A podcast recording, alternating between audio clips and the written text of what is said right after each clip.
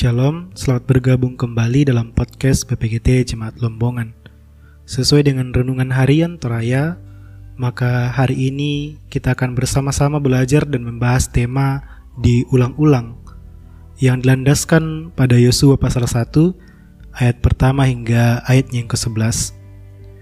Sebelum kita membaca dan merenungkan firman Tuhan ini, mari kita berdoa. Bapa yang baik, Bapa yang kami sembah dalam Yesus Kristus, dipuji, dimuliakan namamu, dimuliakan seterusnya. Oleh karena kemurahan dan kebaikan Tuhan, Engkau memperkenankan kami membaca merenungkan firman Tuhan pada saat ini. Kuasai kami dengan roh kudusmu Tuhan, agar firman kebenaran Tuhan boleh mengajar kami dan kami boleh hidup di dalam kebenaran untuk kemuliaan nama Tuhan. Dalam Yesus Kristus kami berdoa. Amin. Yosua pasal 1 ayat pertama hingga yang ke-11 Lembaga Alkitab Indonesia memberikan judul Perintah Tuhan kepada Yosua untuk merebut tanah Kanaan.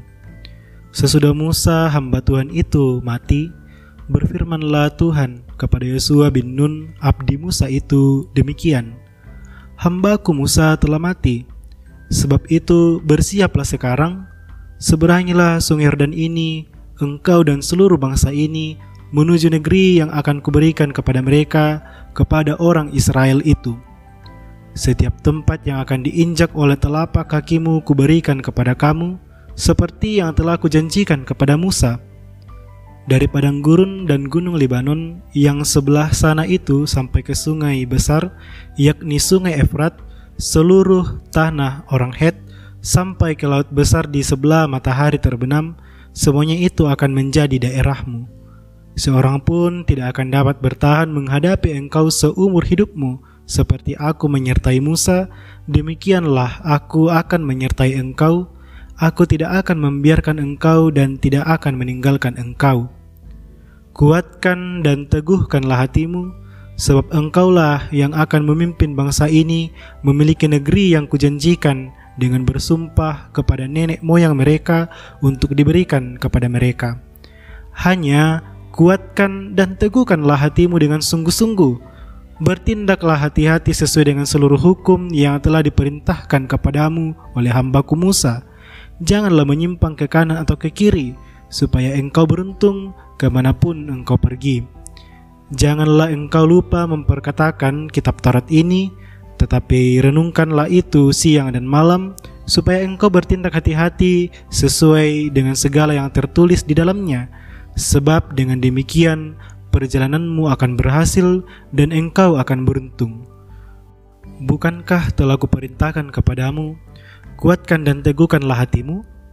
Janganlah kecut dan tawar hati, sebab Tuhan Allahmu menyertai engkau ke mana pun engkau pergi Lalu Yosua memberi perintah kepada pengatur-pengatur pasukan bangsa itu, katanya, Jalanilah seluruh perkemahan dan perintahkanlah kepada bangsa itu demikian.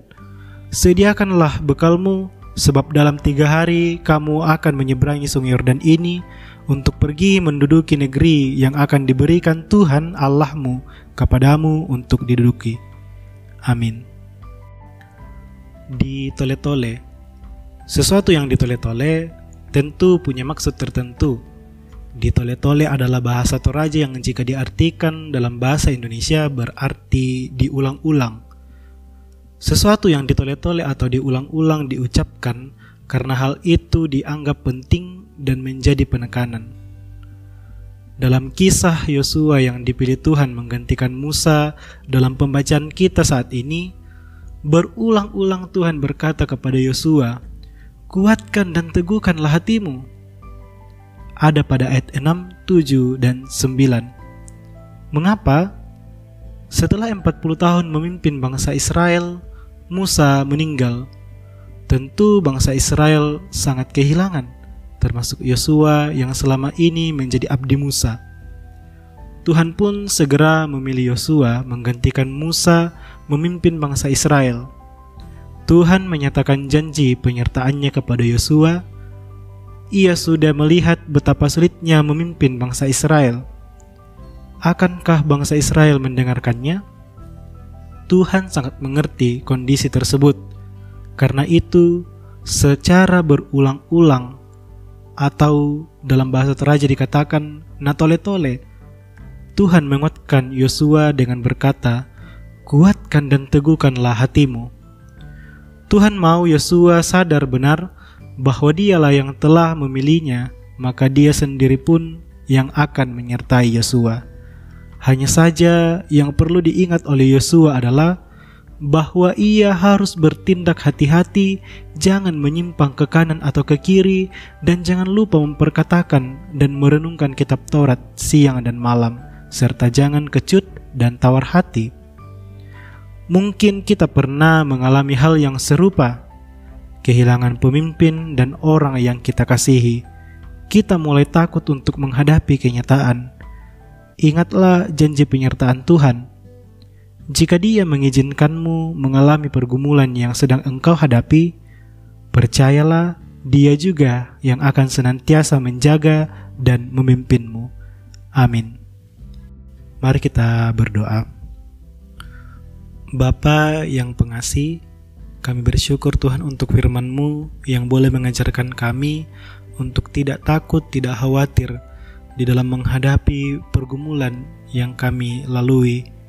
Ajar kami untuk selalu percaya bahwa Tuhanlah yang akan menyertai dan memimpin kami. Roh Kudus Tuhan akan menolong kami di dalam mengandalkan Tuhan sebagai penolong sejati bagi kami semua.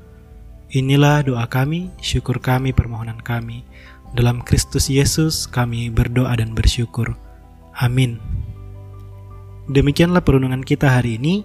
Semoga kita semua terberkati. Dan jangan lupa dengarkan podcast PPGT Jemaat Lombongan berikutnya. Tuhan Yesus memberkati.